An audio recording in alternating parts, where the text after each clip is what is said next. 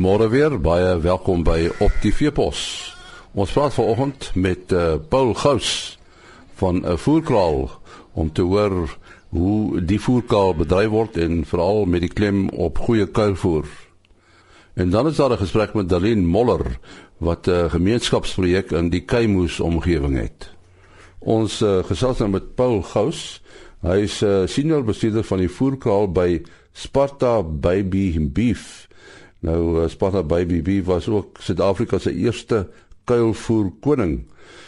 Uh Paul, julle is een van die grootste voerkrale in Suid-Afrika. Hoeveel beeste uh, werk julle mee daar?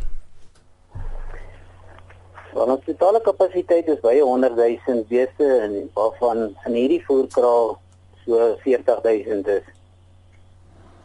Uh vertel 'n bietjie iets van die waardeketting af uh julle waardeketting van die veld af tot by die bord.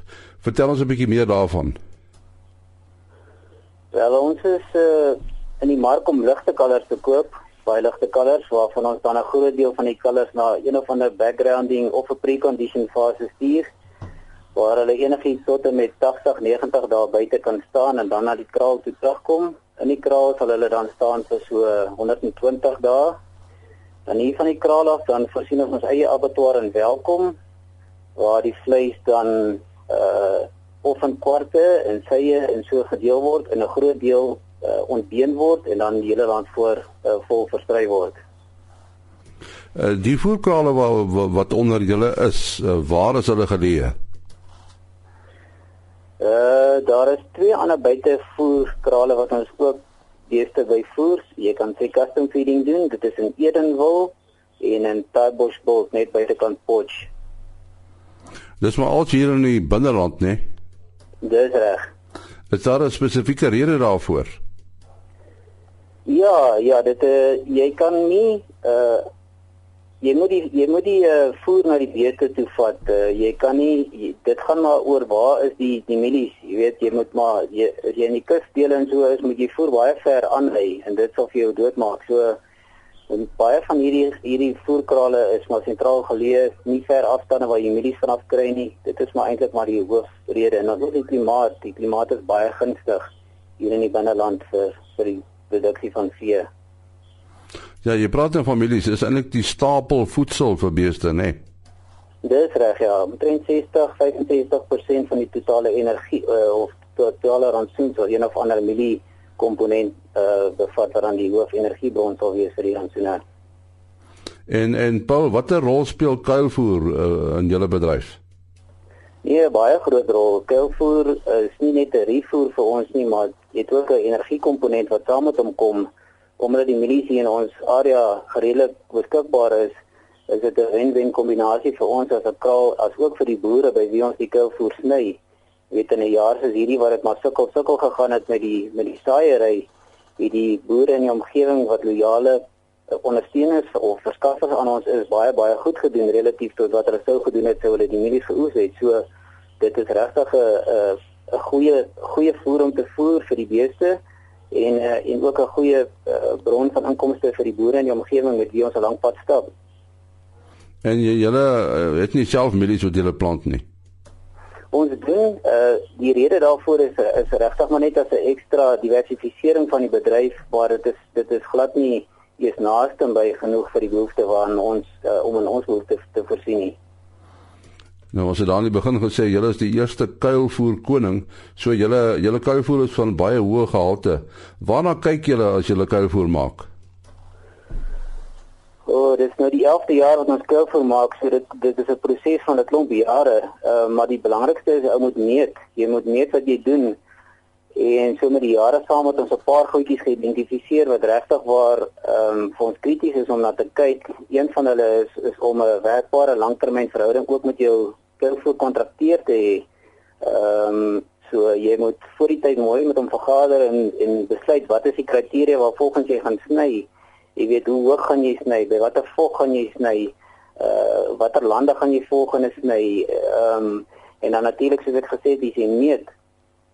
Uh jy moet uh, jy moet presies jou vog en jou goedjies moet reg wees, jy moet jou jy moet jou styfel vlakke met jy meet. So ons het 'n NIR masjien of 'n infrarooi masjien waarmee ons sekere goedjies meet en en seker maak dat ons kuilvoer van 'n hoë standaard is.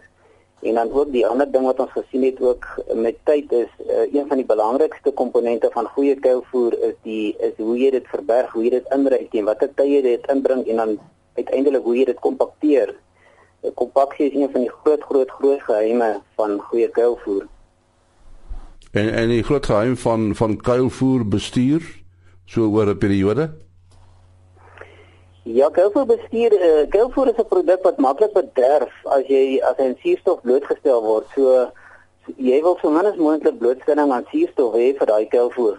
Sodra jy dit maak, wil jy dit so vinnig as moontlik kompakteer, toemaak en dan moet die pH so vinnig as moontlik sak tot onder 4 verkieslik of onder 5 ten minste, so vinnig as wat jy kan. So, ons maak gebruik van inokulante om ons te help om dit te doen en dan sodra jy die kuilvoer wat jy dan begin gebruik, ehm um, uithaal en na die na die kraal toe of na die feedjaar as ek so kan sê aanry dan moet jy net die kuilvoer wat jy vir die dag gaan gebruik moet jy dan losmaak en aankarwy en dan seker maak jy dit gebruik dit daai selfde dag nog op want die langer jy dit los, langer word die blootstelling aan suurstof verder bederf dit. So dit is 'n baie belangrike waardeketting daai tyd wat wat jy eh, wat jy het om jou kuilvoer te bewaar. En intussen is julle maar ook afhanklik van die mielieprys, né? Nee? Baie. Ja ons is maar baie afhanklik. Uh, ons is prysnemers so ons moet maar daai goedjies baie fyn dop hou baie dankie. Paul Gous senior bestuurder van die voerkraal by Sparta Baby Beef. Nou praat ons met uh, Delin Moller. Sy is 'n boervrou en 'n gemeenskapsleier en sy is ook die eggenote van Johannes Moller die voorsitter van Agri Suid-Afrika nou ons gaan 'n uh, bietjie met haar gesels oor 'n gemeenskapsprojek wat armoede daar in die Noord-Kaap verlig. En watter omgewing is julle bedrywig Derien? Weet jy ons bly tussen Kaimus en Kakamas en dit is die streek wat ons maar geraak het. Kaimus en Kakamas van Kaimus af en dan nou dalk tot hier by ons in in in die Warmsand omgewing. En want daar's vir ons uit Kaimus uit spesifieke dorp wat ook hierdie kursus gedoen het. En dit het nou alle bevolkingsgroepe geraak. Ek meen dit is vir ons wat sê ons is ons wil ons omstandighede verbeter. So dit het nie gegaan oor kleer nie, En um, dit is kom daar verskillende bevolkingsgroepe hierdie kursus gedoen het. Nou vertel ons meer van die kursus. Waaroor gaan dit? Kursus het gefokus op ehm um, entrepreneurskap om vrouens se besigheidsagtergrond van 'n klein besigheidjie te leer. Ehm um, en uh, om ook hulle met nuwe visie na na projekte om hulle te kyk. Die vrouens is ehm um, van die vrouens se meisiekinders het graad 12 maar dit sê dit kry nie werk nie. En ek meen dit is nou so dat werkgewers soek mense met 'n bietjie meer agtergrond. En ehm um, so graad 12 het dit gedoen, ma het dit gedoen en ehm um, alleenlopers het dit gedoen en dit is maar die die vrouens wat ons wat ons genader het. Ons het dit oopgestel vir enige een om dit te kan doen en die vrouens het hulle self eintlik ehm um, geïdentifiseer om hierdie kursus te doen. En en waarop kom die kursus neer? Jy het nou gepraat van entrepreneurskap want uh, ek het net maar gehoor 'n entrepreneur word nie gemaak nie, hy word gebore. Ek weet nie of jy saamstem nie. Ek stem daarmee te saam, maar die besigheidsbeginsel moet jy nog leer. Jy moet leer waarom na te kyk, waarom op te waar wat om op te let en waarom na te kyk en en dit is wat hulle op gefokus het.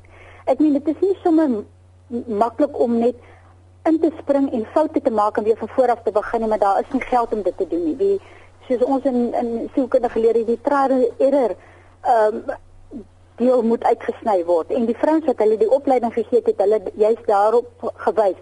Hierna moet jy kyk, dit is waar jy moet op fokus sodat jy nie aanhoudend foute maak en aanhoudend geld verloor nie en dit is wat wat hulle ook self gesê het. Sonder hierdie kursus kan jy nie met 'n besigheidjie begin want jy sal die hele tyd foute maak en ek meen uh, uh, met hierdie opleiding het hulle geleer wat is ander mense se foute en waarna hulle moet kyk en wat hulle moet uitsny. En dit is my eintlik baie sinvol. Uh, jy weet ek dit, om om foute te maak en die hele tyd te leer uit foute uit is nie winsgewend nie. So dit is waarop die die vrouens wat die opleiding vir hulle gegee het jy's op gefokus het. Is dan nou 'n voorbeeld van mense wat opleiding daar gekry het en toe nou met 'n sakeonderneming begin het? Hulle het nie veel met ondernemings begin nie want um, hulle het nou hierdie jaar eers klaar gemaak. Maar deur hierdie kursus het hulle agtergekom waar hulle belangstel. Daar's 'n hele paar vrouens wat in veral in die landbou belangstel. Hulle het 'n koöperasie gestig. Hulle het gekyk na grond om te kry en die die regering het vir hulle kontrakte vir grond gegee, maar hulle sê hulle vrouens wag te lank daarvoor. So hulle het nou grond wat hulle huur by boere. Daarop fokus hulle. Daar's vrouens wat fokus op op spesialisering. Hulle het ook hulle besigheidjie gestig. Hulle is 'n groepie vrouens wat gaan saamwerk. En daar's mense in Cambridge wat by verskillende besighede ingeskakel het. Vrouens wat werk by die slaghuis, vrouens wat wat werk by erwinning. En een vrou byvoorbeeld gaan nou na die skole toe en gepraat met kinders oor entrepreneurskap. En sy het begin dat hulle net hierdie pele optel van die kareeboom, want daai pele word gemaal vir vir voer vir ehm um, skape en beeste. So sy het vir hulle gewys jy kan dit doen, jy kan herwinning doen waarin daar eintlik veel inkomste is. So dit het eintlik hulle visie baie verbreed. Laat jy nie net een oogig moet kyk jy kan baie wyd kyk. En ehm uh, die vrouens wat byvoorbeeld in die landbou belang belangstel hulle fokus nou op op op ehm um, besering-boerdery hulle sê dis 'n ding wat vir hulle geld gaan inrol aan mekaar maar wat ook die stalle uitsny. Jy weet so dit hulle kyk heeltemal wyd na alles. En en jou jou biblioteekprojek vertel ons daarvan Die biblioteek is mos maar nou eintlik 'n gemeenskap vir die gemeenskap vir die skoolkinders in hierdie omgewing. Ehm um, wat vir my eintlik opvallend was, is toe die ma's begin skool gaan, die ma's praat van hoe hulle skool gegaan, het die kinders ook meer biblioteek toe gekom en een ding wat dit maar gesê het, jy kan nie in die lewe 'n sukses maak as jy nie leer nie. En hulle moedig hulle kinders ook nou aan om biblioteek toe te kom. Ek help by graad 12 met die skoolwerk, ek help ook in graad 12 met met loopbaanbeplanning. Ek daar's baie kinders wat sê mevrou ons wil graag verder leer. Waar kan hulle verder gaan leer? Hoe kan hulle verder gaan leer? Daar's ook wat ek wil graag 12 se kan maak wat ek vir hulle sê kom ons kyk waar kan jy vir jou 'n toekoms begin? Nou ek praat met 'n kind wat wil hy self belang byvoorbeeld belang om by binnelandse sake te werk. Dis ek moet baie mooi kyk hoe jy jouself kwalifiseer sodat jy nie 'n beperking op jouself sit nie. Ehm um, maar soos nou in hierdie skoolvakansietyd maak ek die is die biblioteek mos nou uit die aard van die saak oop soos maar by ander alle ander biblioteke maar kan dus kom speel by my. Daarom koop ek graag speelgoed vir die kinders en hulle speel letterlik die hele dag van môre vroeg tot vanaand laat en dan gaan hulle huis want hulle het dit nie in die omgewing nie. Hier is nie daai fasiliteite in ons omgewing. Seker waarskynlik op meeste van die tyd op die platteland is daar nie daai fasiliteite nie. So hulle speel by my die hele dag. Nou ja, daar's Delien Moller, 'n vrou wat baie dinge onderneem. Baie dankie Delien. Uh, jy het telefoonnommer as mense die boer die kuns wil afvra. 084 43 082. Dan sê ek al die nommer weer 0844430082. En uh, ook die einde van ons program. Tot 'n volgende keer. Mooi loop.